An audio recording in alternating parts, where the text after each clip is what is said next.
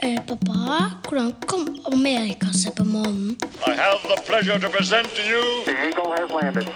It's one small step for man, one giant leap for mankind. Hvor farlig er egentlig rasisme? Das ist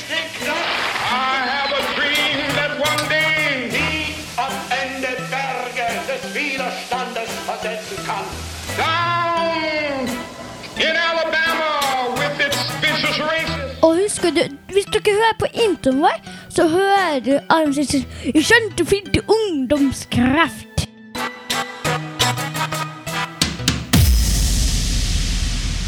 Et uh, velkjent smell for meg og det, Emilio. Det betyr at uh, vi er i uh, gang igjen med en ny episode av vår uh, podkast Nysgjerrigpodden. En podkast av Erik Hatrem og Emilio Sally Hatte!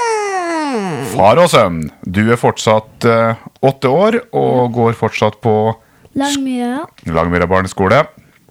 Og er det fortsatt kult på skolen? Ja. Vel, vi har eh, på forhånd fortalt eh, folk hva denne episoden her eh, skal handle om. Eh, og det hadde du også en egen liten monolog rundt i slutten av eh, forrige episode, i de spalte kalt Ut i verden. Og den blir i dag òg.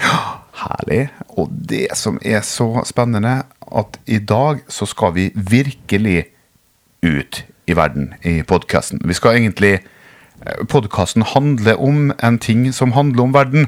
Fordi at andre verdenskrig Det står jo andre verden. verden. Verden. Men hva tenker du om når du, når du hører eh, noen si andre verdenskrig? Hva tenker du da? At det har jo vært første verdenskrig. Så det er den andre krigen. Da er det masse land, eller hele verden har kriger. Ja, det, Hva skal til for at det kalles en verdenskrig? Um, at hele verden kriger. At alle kontinentene Slår seg sammen. Eller alle Bortsett kontinentene er involvert, tror jeg. Jeg skal ikke si at det er helt sikkert noe med fare for å drite med skikkelig ut. Så tror jeg at for at det skal bli en verdenskrig, så må alle, eller um, de fleste kontinentene Hva kontinent? ja, Sånn som USA er et kontinent, Afrika er et uh, kontinent, Asia uh, Sovjetunionen var et helt eget uh, Delvis i asiatiske kontinent. Altså, Europa er et kontinent. Så eh, Og hvis du tenker på andre verdenskrig, så foregikk det jo krigshandlinger i Nord-Afrika. Så det afrikanske kontinentet var så absolutt innblanda. Japanerne eh, var jo med på det her og gikk inn i eh, Kina, annet. Så det asiatiske kontinentet var eh, innblanda. Japanerne angrep USA, Pearl Harbor. Eh, da var amerikanske kontinentet innblanda. Og på den allierte sida, eh, med operasjon Barbarossa, så gikk jo Hitler i gang med et angrep på Sovjetunionen. Og Europa var jo allerede med det her i gang, i og med at eh, Tyskland hadde tatt Norge, Sverige Nei, unnskyld. Norge, Danmark, eh, Nederland, Italia, Frankrike, Belgia. Har de tatt dem? Ja, de var okkupert. Men eh, til det til sies, vi er, i hvert fall, eh, vi er i hvert fall på trygg grunn når vi sier at det var en verdenskrig, og det her skal handle om andre verdenskrig. Og når jeg var liten, så fikk jeg veldig tidlig en interesse for nettopp temaet andre For verdenskrig. pappaen din han ble jo født under andre verdenskrig. Ja, Han var født mens det var krig, så han likte jo å fortelle meg eh, historier om eh, hvordan pappaen hans hadde opplevd andre verdenskrig. Altså min farfar, din oldefar. Og så fikk jeg eh, veldig stor interesse for tegneserier om eh, andre verdenskrig. Og så arva jeg en del bøker som handla om andre verdenskrigs historie. Så jeg likte å lese i når jeg var veldig veldig liten. Med en gang jeg hadde lært meg å lese, se på bilder og lese om det. Og den interessen, den har aldri tatt slutt. Så andre Sånn som fotballinteressen min nettopp. tar aldri slutt. Tar nok aldri slutt. For jeg er skikkelig interessert. Ja, og jeg er skikkelig interessert i andre verdenskrig. Det er og- derfor jeg valgte episoden. Fordi at du vet at jeg er interessert i andre verdenskrig? Jeg visste det kanskje ikke, da. Visste du ikke? Er det jo litt Du sa Ja. det jo i siste episode. Ja. Men eh, hvor interessert er du i krigshistorie og andre verdenskrig og krig, da? 50-50. 50-50. Ja. Men fotball er 150. ja, det har vi skjønt. 100-100. Måtte bare ta med en liten slurk kaffe her, jeg. jeg skal også ta med en slurk cola og kaffe. Du har cola, du.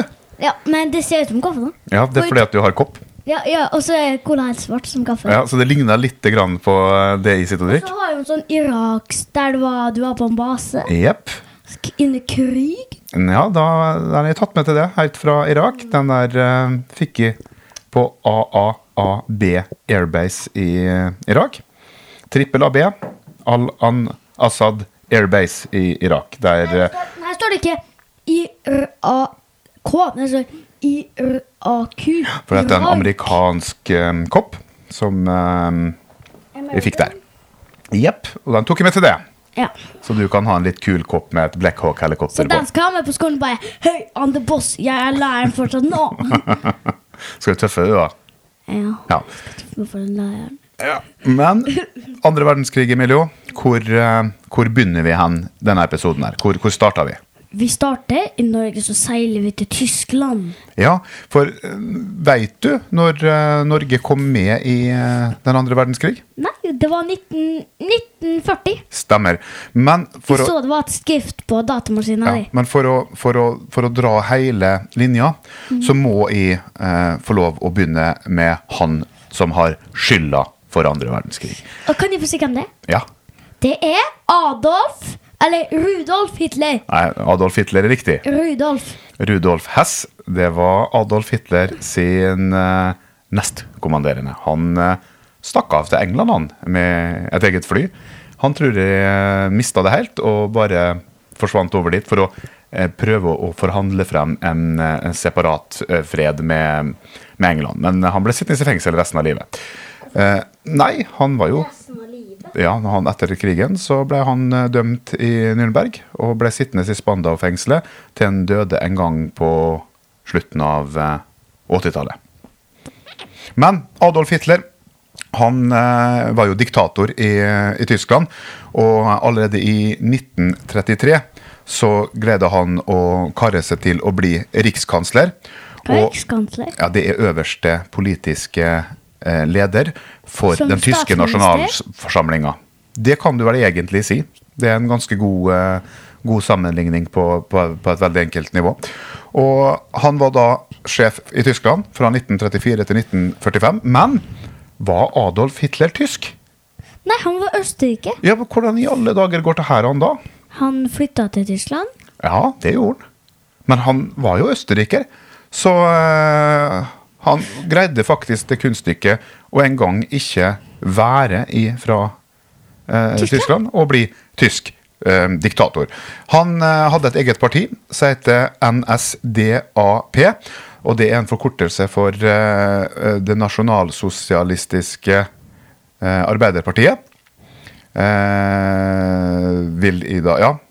Nasjonalsosialistische Deutsche Arbeiderpartei blir da. Og du, hvis dere hører på introen vår, så hører du Adam si Jeg skjønte fint ungdomskraft. Ja, Der har de klippet inn litt lyd fra en av Hitler eh, sine taler. Hitler han ble født, som du sier, i Østerrike. Og eh, 18 år gammel så dro Hitler til Wien og søkte om plass på akademiet for å bli kunstner. Eh, han ble ikke tatt opp som student, og eh, kanskje allerede da begynte han å eh, legge visse folkegrupper for, for hat. Men hvis vi hopper litt fremover, så var det i 1921 Hitler ble leder for da det halv... Det vil jeg si, ja, halvmilitære partiet NSDAP. Han eh, Når han ble leder da, i 1921, eh, så begynte han i det politiske partiet der å organisere en del enheter av folk eh, som kledde seg i uniformer. Han fikk designe en logo, altså hakekorset. Og han begynte å gjennomføre at de skulle hilse på han med å strekke armer ut. Og eh, rundt seg allerede da hadde jo han sin nære krets av Hadde de våpen under greia, så de fikk et studio å skyte på og øve på? De eh, begynte å bevæpne seg, det stemmer, Emilio. Men Og hvordan fikk han så mange soldater? Du vet at etter krigen, eller etter, første verdenskrig, eh, i Weimar-republikken i, Tyskland, så var jo Tyskland underlagt veldig sterke krav fra dem som vant første verdenskrig, om at de ikke fikk lov å ha en hær som var større enn 100 000 soldater. De fikk ikke lov å ha flyvåpen, de fikk ikke lov å ha en marine. Men mange av de soldatene som hadde kjempa for Tyskland i første verdenskrig, de danna egne freikorps, der de rett og slett beholdt våpen og utstyr og levde som soldater i sine egne små hærer. Eh, og dem trakk seg veldig lett mot Hitler og hans måte å eh, se verden på. Han ville jo ha tilbake igjen Tyskland som en stor militærmakt. Og han ville jo løfte frem det militære og gi muligheter av jobb til de ekstremt mange arbeidsledige i Tyskland. For da var det jo eh, hungersnød, inflasjonen i Tyskland var så stor at du måtte ha ei trillebår med penger for å kjøpe et, eh, et brød. Og Hitler prøvde jo å gjøre et kupp allerede i 1923. Eh, da holdt den bayerske regjeringssjefen Gustav Ritter eh, et foredrag i eh, en ølkjeller. Og Salen ble da boff, omringa og fylt av folk som var med en Hitler. Og han utropte da seg sjøl som sjef for en ny nasjonal regjering. Og utnevnte general Ludendorff til sjef for hæren. Og neste dag så var rundt 3000 da fra Hitler sitt eh, parti, eh, som da marsjerte i gatene mot regjeringskvartalet. Så kom det til et møte med politi, og eh, opprøret, kuppet, ble slått ned. Er senere kjent som ølkjellerkuppet, og Hitler havna i fengsel. Og Der ble han da sittende, og det var da han skrev en bok som har blitt veldig kjent, som heter Mein Kampf. Den skrev Hitler i fengsel. Og eh, når han eh, kom ut av fengsel, så begynte jo han på nytt igjen den prosessen med å, å bygge opp igjen eh, partiet. Og han ble litt mer sånn forsiktig i måten han gjorde ting på. Han prøvde å bli litt mer stuerein og, og sånne ting. Og så kom jo da børskrakket i 1929, så kasta USA og Europa ut i et kaos av eh, fattigdom og eh, arbeidsledighet. Og da begynte jo Hitler å nøre opp under hvem som hadde skylda for det her. Og han begynte å gi jødene skylda for at verden var i problemer. Så veldig mange arbeidsledige og lavt utdanna folk de trodde på Hitler, og han ble større og større og større og større. Og som vi nevnte i sted, han ble rikskansler eh, i Tyskland i, eh, i 33. Og da begynte de jo i Tyskland å renske ut alle motstand. Da begynte det å bli farlig å være i Tyskland hvis du ikke var enig med Hitler. Så til slutt, da, så satt han der eh, som eh, diktator i et land som begynte å bygge opp hæren sin, flyvåpenet sitt og marinen i all hemmelighet. For de hadde egentlig ikke lov til det etter at de hadde tapt første verdenskrig. Og i 1939 miljø, da rykka tyske tropper inn i Polen. Og i 1940 så ble Vest-Europa invadert. Og sommeren 1941 gikk Tyskland til angrep på Sovjetunionen i et angrep som er kjent som Operasjon Barbarossa. Og eh, han trodde at dette kom til å bli eh, en kortvarig krig. Der tok han jo eh, grundig, grundig feil.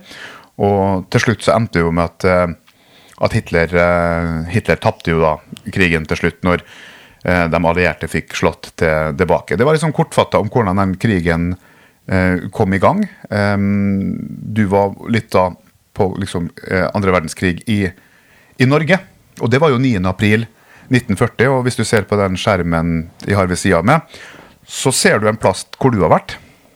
Slottet, slottet, slottet, slottet. Ja. Og Karl Johans gate. Ja, stemmer. Men hvem er det som går i gata der? Tyske soldater, og de okkuperte Norge etter at de har tapt andre verdenskrig. Men da var Hitler død nå rota vi litt. De Men okkuperte jo Norge, og Hitler tok selvmord. Da måtte jo tyskerne dra hjem igjen. Men var det under okkuperinga han ja, tok dette selvmord? Bildet der, nei, dette bildet der mm -hmm. er fra 9. april 1940. Og han Hitler han tok selvmord i april 1945, når krigen var tapt. Da skjøt han seg sjøl i bunkersen sin Men, i Berlin. Og så var det jo folk som tok sånne giftbilder fra Hitler. Det var det òg. Men hvorfor vil de ta giftpillene? De ville rett og slett ikke havne i krigsfangenskap. De ville ikke stå til rette for de forbrytelsene de har gjort under krigen. Tenk det. Seks millioner jøder ble drept av Tyskland under krigen. Seks millioner. Ja, Det er så ufattelig mange. Det er mer mennesker enn det bor i Norge i dag, Emilio. Hæ? Ja. Eh, hvorfor Var det folk som var enige med Hitler før Norge? Det var I Norge òg så var det dem som eh, sympatiserte med Hitler og trodde på det han sa, og, eh, og støtta han eh, lojalt i hans i, i hermetegn politikk. Men det er jo ei litt annen historie. Som sagt, det er veldig mange temaer vi kan eh, ta for oss når det kommer til andre verdenskrig. altså. Men skal vi snakke litt om andre verdenskrig og Norge? Ja. Emilio, hva du lurer mest på der, da? Jeg lurer faktisk på hvordan greide kongen og eh, prinsessa og hele familien å rømme? Jo, De har jo så stort hus. Det er nesten umulig. Ja, De du- klatrer vel ut et vindu. ja, du har jo vært på huset til kongen, du. Du, han tok vel døra, eller gikk han ut et vindu? Jeg tror han gikk ut den der eh, døra inn? Den store døra vi gikk inn, ja. Men hvorfor Og, gikk han Den er på baksida. ja og så der tror jeg han satte seg i en bil og kjørte ned til den gang Vestbanestasjon, der det var satt opp et ekstra spesialtog fra NSB som skulle frakte konge og regjering ut ifra hovedstaden. Men hvordan rakk kongen å komme seg ut ifra Oslo i tide? Det, Men var det bakdøren han tok? ja, det tror Nei, jeg. det var jo denne salen som vi gikk opp. Mm. Der sto det av og til en bil, og der var en liten dør. Mm. Det var vel den han kjørte ut. Det, det vet jeg ikke, men det har vært veldig artig å finne ut akkurat hvordan det var. Men det kan vi prøve å finne ut en annen gang. Men akkurat i morgentimene den 9. april 1940 så kom det masse tyske skip inn Oslofjorden. Men på Oskarborg festning der var det et torpedobatteri, og dem så Blykjer. Og han som var kommandant der, Eriksen, han beordra torpedobatteriene armert, og eh, da sier en av dem som er på, på batteriet, skal vi skyte med skarpt? Og da sa han eh, kommandanten, visst fanden skal det skytes med skarpt. Og da skjøt de mot Blykjer, og de traff. Og om bord i Blykjer så var majoriteten av de soldatene som skulle besette Oslo og ta kongen og regjeringa til fange. Og Blykjer sank. Når det da ble kjent at det var full fyr i Blykjer ute i Oslofjorden, og at Norge var under angrep, da tromma regjeringa seg sammen, og kongen nå skjønte at her må vi bare komme oss unna. Og da tok de et tog som gikk ifra jeg tror det var Vestbanestasjonen, og et ekstratog som NSB hadde satt opp, og det da tok dem ut ifra Oslo. Og dermed var konge og regjering på flukt. Og da begynte et veldig spennende kapittel i norsk historie. For tyskerne ville jo ha tak i dem her. Og da hadde også Norges Bank evakuert gullet sitt. Og dem, De var faktisk litt igjen til Molde òg. gullet var innom Molde, helt riktig. Åndalsnes og Molde. Og, eh, og det var da kjent som gulltransporten. Og, eh, og det her var jo på en måte, var på en måte veldig viktig for, eh, for Tyskland å prøve å få tak i kongen og regjeringa og få Norge til å kapitulere. For da hadde de jo en tanke om at hvis de kapitulerte raskt, så ville situasjonen roe seg ned, og de ville få tatt over et mest mulig intakt land. Men kongen, han sa nei, og Norge nekta å kapitulere, og kongen flykta Hva kapitulerer det å gi opp, overgi seg. Og kongen og regjeringa flykta oppover landet med tyskerne hakk i hæl. Og eh, der har det vært laga flere filmer og TV-serier om, så det er noe du kan eh, kikke nærmere Hvilken på. film var den kjenteste om det der? Jeg vil ha sett nå i dag, så er nok filmen 'Kongens nei' den mest kjente om, eh, Men om akkurat eh, her. da. hva den handler om? Den handler om at kongen er på flukt, og tyskerne kommer etter med bombefly og soldater og prøver å ta livet av eh, kongen og regjering. Ja. Og de på en måte Er gjemmer seg. kongen skuespiller? Ja, I den filmen så er kongen en skuespiller, ja. Altså, Det er ikke ekte kongen, selvfølgelig, det er jo bare et skuespill. Her, han ser vel ut som den ekte kongen? Ja, Han var veldig lik. Jeg har sett filmen, og jeg syns at jøss, det var likt. Det var enkelte scener. Jeg så tenkte jeg, Dette her er nesten som å se kong Haakon. Der var, han hadde god stemme, den liksom danske stemma kong Haakon hadde. og Her var kong Haakon dansk. Ja, kong Haakon kom jo til Norge Og i der skal 1905. vi på ferden? Ja. Visste du ikke at kong Haakon var dansk? Nei. Jeg har du lært noe nytt i dag òg? Jeg kjenner noe som er dansk og halvt dansk. Ja, ja. Da har du noe å fortelle dem, da. Kan du fortelle dem at vår konge i 1905, som egentlig heter prins Carl, Da har, vi, da har vi fått med oss angrepet på Norge, og da begynte jo tyskerne å bombe norske byer. Og de besatt Stavanger, og de besatt eh, Bergen. De kom inn Trondheimsfjorden og tok Trondheim. De bomba Åndalsnes, de bomba Molde. Og det gjorde de fordi at de trodde kongen og regjeringa var der, så de holdt på å fulgte etter kongen på flukt. Da bomba de med de kunne for å prøve å, å ta rotta på konge og, og regjering. Så da Molde ble jo bomba til ruiner. Det var nesten ingenting igjen. Ja, Hotell Alexander. Mm. Det ble bomba. Hvor lenge har det vært i Molde? Ja, det veit jeg ikke, men det har vært lenge. Det har vært kjempelenge, Emilio. Men hvorfor ville egentlig Tyskland ha Norge? Det var nå et godt spørsmål, Emilio. Hva tror du? Fordi at han ville ha hele verden. Ja, jeg har nok et inntrykk av at Hitler hadde lyst på verdensherredømme, men hvorfor Hitler valgte å ta Norge på det tidspunktet de gjorde, og så, ja, og så Tenk hvis Tyskland ikke hadde brukt ressurser på å ta Norge, og da har De du på en måte brukte så mye våpen på bare én person, kongen. Ja, ja, men tenk hvis de hadde spart seg for å gå mot Norge i april, og beholdt de ressursene, de skipene, de flyene, de soldatene, når de invaderte Europa. Når de tok Frankrike og, og, og Nederland og Belgia, Luxembourg og Da ville de kanskje ha greid å ta England òg, og da ville verden sett helt annerledes ut i dag. Men de valgte altså Norge. Men hvorfor tror du de ville ha Norge? Hva som er så viktig med Norge? Um, vi hadde gull. Ja, vi hadde litt gull i banken, men det var ikke så veldig viktig. Det var greit å ha, men det var én viktig grunn til at Tyskland ville komme og ta Norge. Fordi at det var veldig fine fjell. ja, du, du, da, Skal satse på reiseliv og turisme? Ja, Tyskland er veldig glad i fjell. Det blitt tatt bilder av foran høye fjell, men Tyskland òg har jo mye høye fjell. Nei, Vi må litt nordover, Emilio. Vi må eh, oppover til Nord-Norge. Og vi må tenke på malm. Malm, malm. Av malm så utvinner du jern. Og fra Kiruna i Sverige så gikk det en jernbane, Malmbanen. Og ut ifra Kiruna så kom det masse malm. Og Norge hadde isfrie havner om vinteren, slik at du kunne transportere ut ressurser sjøveien hele året.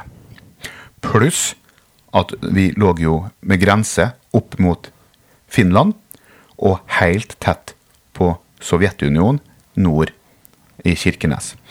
For Hitler tenkte jo også på en nordfront. For de valgte jo å gå inn i Sovjetunionen også i nord, og presse eh, mot Murmansk, altså på, på den nordfronten. Så Norge hadde ressurser i form av eh, elektrisitet. Vi hadde fabrikker og arbeidere, og vi hadde malm. Og isfrie havner. Så Tyskland kunne òg, ved å besette Norge, ha en buffersone og bygge et festningsverk som på en måte kunne forhindre at andre land gikk til motangrep mot Tyskland gjennom Norge. Så Norge ble da viktig for uh, Tyskland, og de, eh, De er veldig liten, da. bestemte seg for å angripe Norge. De laga en plan, og den heter Weser-Ubung. Det var da angrepsplanen på Norge. Weser-Ubung. Weser-Ubung. Det jeg vet er ikke så stø i tysk at de uttaler sikkert, uttaler sikkert her helt forferdelig feil. Weser Odung. Nei, Weser Odung. For Tyskland var dum fordi at han greide Tror ikke vi skal henge oss så mye opp i det, Emilio. Han tapte jo andre verdenskrig, men Han- hvem var det som vant første? Første verdenskrig, da var det vel egentlig Tyskland som gikk ut som tapere, selv om det ble gjort en Versailles-traktat. Tyskland gikk ut av det og måtte betale veldig mye krigserstatning. Så i prinsippet, ja, Tyskland tapte første verdenskrig, og eh, de allierte, England og Frankrike og USA, de ble sittende som vinnere. Men nå holder vi på med andre verdenskrig, og vi har snakka om Norge sin del av det, og hvorfor Tyskland kom dit. Og i 1941, da eh, smalt Tyskland på det som kanskje var den aller største tabba. Eller én av de aller største tabbene. For eh, de inn, igangsatte invasjon av eh, Sovjetunionen, kjent som Operasjon Barbarossa. Angrepet det utvikla seg til å bli den største landbaserte krigskampanjer i verdenshistorien. Og mesteparten av de militære styrkene som Hitler og allierte da satt på, de ble da bundet opp i den operasjonen. Omtrent tre fjerdedeler. Og, eh, altså omtrent tre fjerdedeler av tyske militære tap under andre verdenskrig det skjedde i kamp med sovjetiske styrker. Og Japan kasta seg òg på krigen i 1941 i desember. Da gikk de til angrep på Pearl Harbor eh, på Hawaii i USA, og det endte da med at USA kom med i krigen. Så begynte jo, USA, eller så begynte jo Tyskland å slite, da. Eh, for Hitler han var jo fast bestemt på at Stalingrad det var en by som var viktig for han. For det var navnet Stalin, som var leder av eh, Sovjetunionen. Og istedenfor å konsentrere seg om ressurser og gå videre, drite i Stalingrad, gå for oljefeltene, så skulle han vinne. Og der eh, hadde jo Tyskland sin sjette armé inn i, inn i Stalingrad. Og eh, de, holdt, de, holdt, den byen, og det var så Det var fra hus til hus, Emilio, faktisk. Det var så bomba, det var så utarma, og Hitler sine styrker var omringa i Stalingrad. Eh, det var bare Stirling? Stalingrad. Og, eh, og, og da eh, gikk de på en eh, smell der. De tapte eh, slaget om eh, Stalingrad. De, Fordi at de visste ikke at de hadde stor her. jo, de visste det, men de trodde at de var mye bedre. De trodde at de skulle gå fort og invadere Russland, men Hitler hadde jo ikke utstyrt sine styrker med vinterklær. Så når vinteren kom, så holdt jo hele den tyske hæren på å fryse i hjel. Hestene døde. Eh, Tengsene kjørte seg fast og frøyt fast, og han fikk ikke inn forsyninger. Så de ble stående i, eh, i stampe. Og, eh, og så, når de da, da snudde krigslykken for uh, Tyskland, rett? Rett rett, ja. Da måtte de begynne å trekke seg tilbake. Og uh, Sovjetunionen hadde jo fått bygd opp bak fjellene, fått i fred og ro, begynt å bygge opp en massiv hær. Og de satsa jo på uh, kvantitet fremfor kvalitet. De bare sveisa sammen noen tankser og sendte dem ut i store tall. Tyskerne var opptatt av at tanksene skulle være, stridsvognene skulle være av godt design, riktig motor, riktig girkasse, riktig bestykning av kanon. Og de hadde gode, men mindre. Pluss at de begynte å slite med etterforsyninga. Så på retretten så fikk jo også Sovjetunionen rett betyr running away. ja, det betyr det. Stikke av. Og så eh, fikk jo Sovjetunionen konvoitransportene fra England og USA, der det kom masse utstyr og materiale over. Så de begynte å dytte tyskerne tilbake igjen mot Tyskland. Og samtidig, i 1944, så kom det en ny front. Da var det at USA, England, Norge, Canada, Frankrike gikk i land eh, på Normandie eh, i 1944 i Frankrike. Og da var det D-dagen. Veldig kjent historisk dag. Da, det, da må alle være våken natt og dag. Ja, da må folk være våken natt og dag. Og når det dagen kom, eh, midt på natta, så turte ikke han som var ansvarlig for Atlanterhavsvolden eh, og, og det var jo han som var sjef for akkurat det forsvarsdistriktet her. Han var hjemme på, på ferie i, eh, i Tyskland. Ervin Rommel han var hjemme og feira bursdag, så han var ikke til stede når skipene begynte å komme og fallskjermene begynte å lande. Og dem som var i hovedkvarteret i Berlin, de turte ikke å vekke Hitler, for han var en sånn mann som likte å være seint oppe om kveldene, og han sto seint opp om morgenen. Han var skikkelig gretten hvis han ble vekt utenom. Så når de fikk beskjed om at det var angrepet på Normandie, det begynte å komme soldater i land, så var han én sikker på at det bare var et skinnangrep, et liksom-angrep, fordi at eh, hovedangrepet skulle komme lenger eh, nordøst på Calais. Og så turte de ikke vekke Hitler. Så der fikk jo eh, de allierte et brohode, kom seg på land i Frankrike. Og da kan du liksom se for deg Europa ovenifra. da. Så kommer den tyske hæren på retrett fra eh, Sovjetunionen, fra Russland, fra øst, bakover mot eh, Berlin. Så og så kommer de ble pressa fra. Ble det liksom-angrep? De trodde at det var liksom-angrep fra Norge i Tyskland. Ja, I Norge så var fortsatt Norge okkupert, og det sto eh, over 300 000 tyske styrker her nå. Eh, men da, da betyr jo de allierte å spises innover Tyskland. Tyskland fikk mindre tilgang på drivstoff, mat, ressurser. Fabrikkene eh, ble bomba, og de, de begynte å mangle det som skulle til. Og det gikk jo da selvfølgelig mot et uunngåelig tap. Og det endte jo med at Tyskland til slutt måtte bare overgi seg betingelsesløst den 8. mai 1945. Og da var andre krig, verdenskrig over i Europa. Den fortsatte utover i Japan, for Japan hadde enda ikke kapitulert. Og det endte jo med at Japan overga seg i august 1945. Og vet du hva som gjorde det at Japan overga seg? Da gjorde USA noe som aldri vært gjort før i verdenshistorien i krig, og heller aldri vært gjort etterpå. De slapp noen spesielle bomber. Atombomber? Yes! De bomba Hiroshima og Nagasaki med atombomber. To atombomber. Og da overga Japan seg. Det var vel egentlig en sånn kort og enkel oppsummering av eh, andre verdenskrig. Atombomber, det kan faktisk Det kan nesten sprenge Det kan nesten sprenge hele verden. Ja, det er nok atomvåpen på jorda til at hvis vi begynner å tulle med det her nå, så kan vi utslette vår egen planet mange, mange ganger. Det er en ganske skremmende tanke, Men kan den vokse inn igjen? Nei. Nei. Når, altså, når, når en bombe har sprengt, da har hun sprengt. Da er det gjort. Da er det for seint. Da har den gått av. Men uh, en får nå håpe det at uh, vi fortsatt har vett til å la være å gjøre det der, da. Altså bruke atomvåpen mot uh, hverandre. Husker du han der danske kongen i tøten sa Hva faen du? Jeg gir meg aldri! Jeg er den beste kongen i verden! Ingen vil slå meg Nå ble det mye tullprat igjen, men uh, vi, begynner, vi begynner å komme mot, uh, mot veis ende. Er det noe du uh, lurer på fortsatt noe om andre verdenskrig som vi kan finne ut av på 1, 2, 3? Ja! Og det er Hvor mange var det faktisk i hæren til Hitler? hvor stor hæren til Hitler var. Mm. 18 millioner har tjenestegjort i den tyske hæren eh, er i årene en del av 1935 til Europa? 1946. Det, det jeg vet, det er at fra 1935 eh, til 1946, altså ut august 1946, eh, så det er da de har hatt manntall og listene på, på, på Wehrmacht eh, under Hitler, og da har rundt 18 millioner menn tjenestegjort for eh, Wehrmacht under den eksistensen. Så da kan du tenke at det var mange millioner som tjenestegjorde tjenestegjort til enhver tid mens krigen raste som verst. Men er Tyskland en del av Europa? Tyskland er absolutt en del av Europa. Det er selve hjertet av Europa. Og kunne du tenkt deg å vært i Tyskland noen gang og sett hvordan Tyskland ser ut i dag?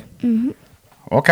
Nå har vi eh, prata kort om eh, andre verdenskrig, og det har ikke på en måte vært meninga at vi skal fortelle alt om andre verdenskrig i løpet av en eh, kort episode, men vi håper i hvert fall at dem som har hørt på, har blitt litt mer nysgjerrig på vår nære historie og krigshistorie. nysgjerrig på den. Ja, slik at vi kan få andre til å bli akkurat like nysgjerrige som oss.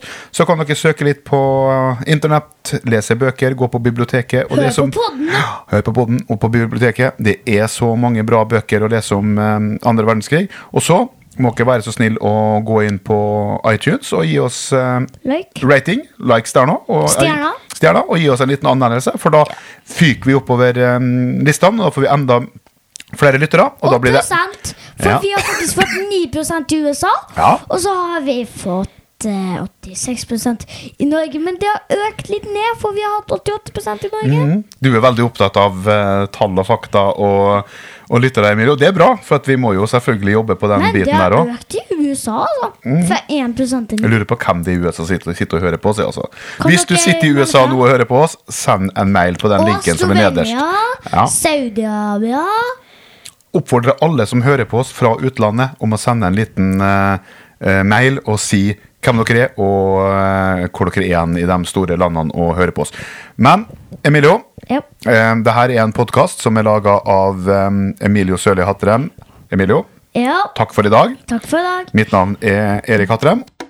Eh, pappa, hvordan kom Amerika seg på månen? I have the pleasure to present to you The Eagle has landed. It's one small step for man, one Quit farlig, er egentlig, rasisme.